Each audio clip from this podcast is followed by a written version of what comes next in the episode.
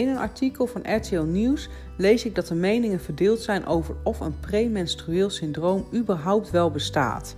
Ik nodig ze van harte uit om vandaag even bij me langs te komen. Denk dat alle twijfel weggenomen is alvorens ze de drempel over zijn. Wat een fucking ellende zeg, die kutongesteldheid. Dus laten we niet net doen of het niet bestaat. Straks is het nog mijn eigen schuld ook zeker. Of mijn eigen keuze, nog erger. Nee hoor, het is één grote teringzooi en vandaag ga ik er even lekker over bloggen. Heerlijk woest premenstrueel type. En dan ga ik er ook nog even over blogcasten en podcasten. Heerlijk. Wist je dat de menstruatiecyclus varieert van 21 tot 35 dagen? Mogen jullie raden tot welke groep ik behoor, geluksvogel die ik ben? En probeer je ook even te realiseren wat dit in de praktijk dus betekent als je een cyclus hebt van maar 21 dagen. Wat gebeurt er dan in die luttele weken, hoor ik jullie je afvragen? Nou, dat zal ik vertellen, lieve lezers en luisteraars. Het begint met het vegen na het plassen. Je wc-papiertje ziet dan een klein beetje rood. Maakt dit mij verdrietig? Nee. Lucht dit mij op? Ja. Weet je waarom? Omdat ik de drie dagen ervoor namelijk zo zagrijnig ben geweest dat een man al meerdere keren heeft gevraagd wanneer die godverdomme dam nou eindelijk eens doorbreekt, zodat hij niet langer op een mijnenveld hoeft te lopen. Nou, nou, zo erg kan het toch niet zijn?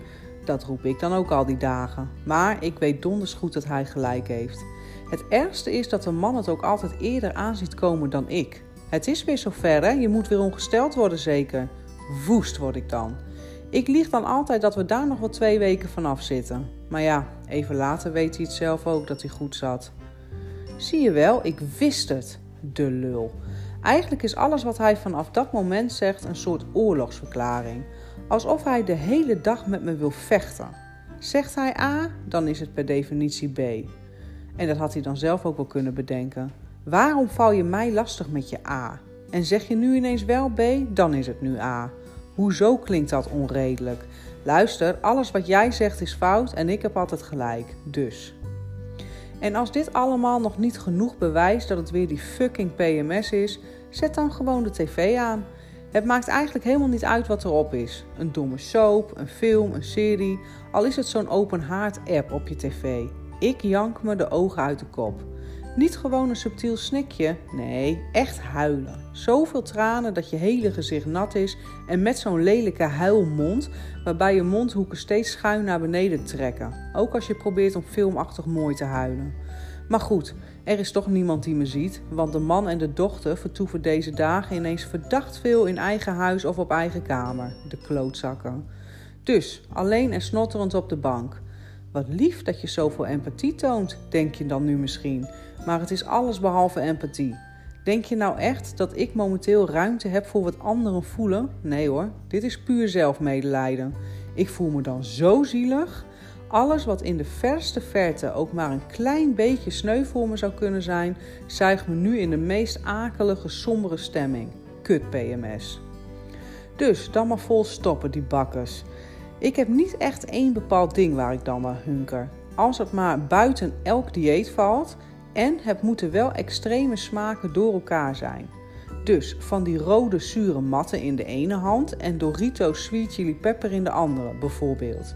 En begin nu niet over Sonja Bakker, want die weet heus niet hoe erg dit is. Nou, dan is het eindelijk zover. Ik word ongesteld. De laatste keer was in het begin van augustus. Weten jullie nog hoe warm het toen was? Dit was tijdens die recordbrekende hittegolf. Je weet wel, zo eentje waarbij je de hele dag lekker in het zwembad hangt. En niet alleen met de dochter en de man, nee, ook met de beste vriend en de schoonmoeder. Terwijl iedereen geniet van de chloorhoudende verkoeling, zit ik te zweten op een kleedje en pas ik op alle tassen en de warm wordende cola. Want ja, ik kan namelijk het water niet in, hè, want ik ben ongesteld en ik kan sinds een aantal maanden niet meer tegen tampons. Wat? Ja, dat uh, hoor je goed. Alsof het allemaal nog niet erg genoeg is. Ik draag ze al sinds mijn vijftiende en ineens droogt mijn flamoes van binnen volledig uit zodra de kurk erin gaat. Heel gek.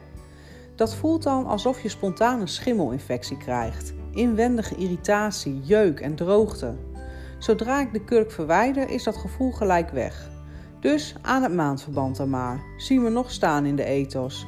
Want als je de afgelopen 25 jaar geen maandverband hebt gekocht, zie je nu door de bomen echt het bos niet meer. Voor grote bloeders, kleine bloeders en met van die plakkers met opstaande randjes of van die halve luiers. En het schijnt dat de meeste nog onzichtbaar zijn ook. Al is alles dat je in je onderbroek draagt onzichtbaar, zou je denken. Maar goed, blijkbaar is het marketingtechnisch nogal een troef.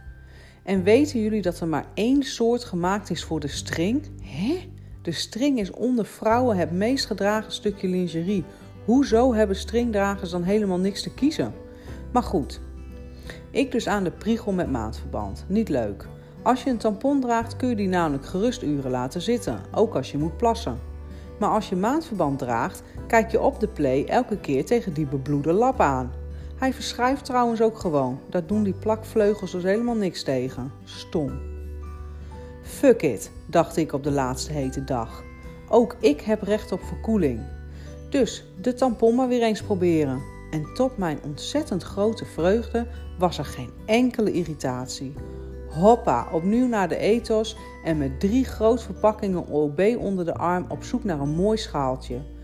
Zoals er bij anderen een schaaltje potpourri op het plankje staat, staan bij beide tampons te pronken. Gewoon om te vieren dat het weer kan. Het hele bloedgebeuren duurt een dag of vijf. Dus op een dinsdag kreeg ik mijn normale leven weer terug en de man en de dochter dus ook. Totdat ik, twee weken later, wederom op een dinsdag, ineens volledig uit mijn slof schiet tegen de man. Ik weet niet meer wat hij zei, maar het was helemaal mis. Hij wilde weer ruzie met me maken. Hij was me weer aan het treiteren en pesten. Hij deed er weer alles aan om mij bovenop de kast te krijgen.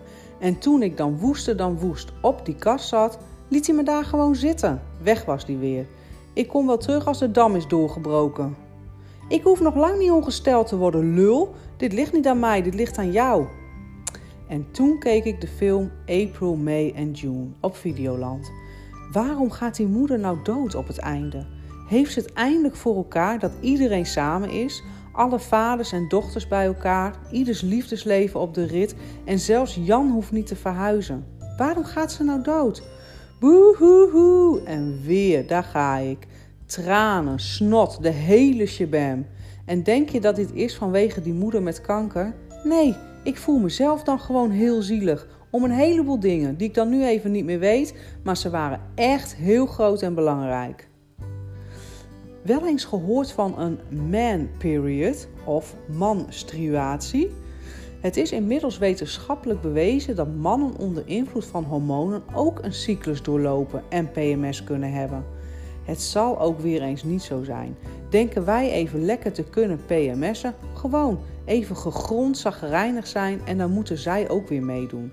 Alsof het hen groen licht geeft om net zo onredelijk lelijk te doen als wij. Maar al die baarmoederkrampen, al die snijdende hoofdpijnen, al dat bloed en zo, dat hebben zij niet. Dus waarbij dat van ons volledig geoorloofd is, is dat van hen buitensporig overdreven en vooral onterecht, eikels. En hoezo noemen mannen dit meisjesziek? Dat zou echt verboden moeten worden. Hoe kun je iets dat zo vrouwelijk is nou zo kinderlijk maken? Daarmee bagatelliseer je zomaar even onze ontzettend grote ellende. Echt, de eerste die het recht in mijn gezicht meisjesziek durft te noemen, wordt jongensblauw rond zijn linkeroog. Hoe dan ook, ik ben dus elke drie weken een hele week slachtoffer van mijn eigen ongesteldheid. Elke drie weken weer. Dat betekent dus dat ik elk jaar ruim 121 dagen ongesteld ben en in een schrikkeljaar nog langer. Waarvan dus bijna de helft bestaat uit PMS. What the fuck. Over een jaar of tien, dan zal het wel een keer ophouden. Al begint dan de overgang.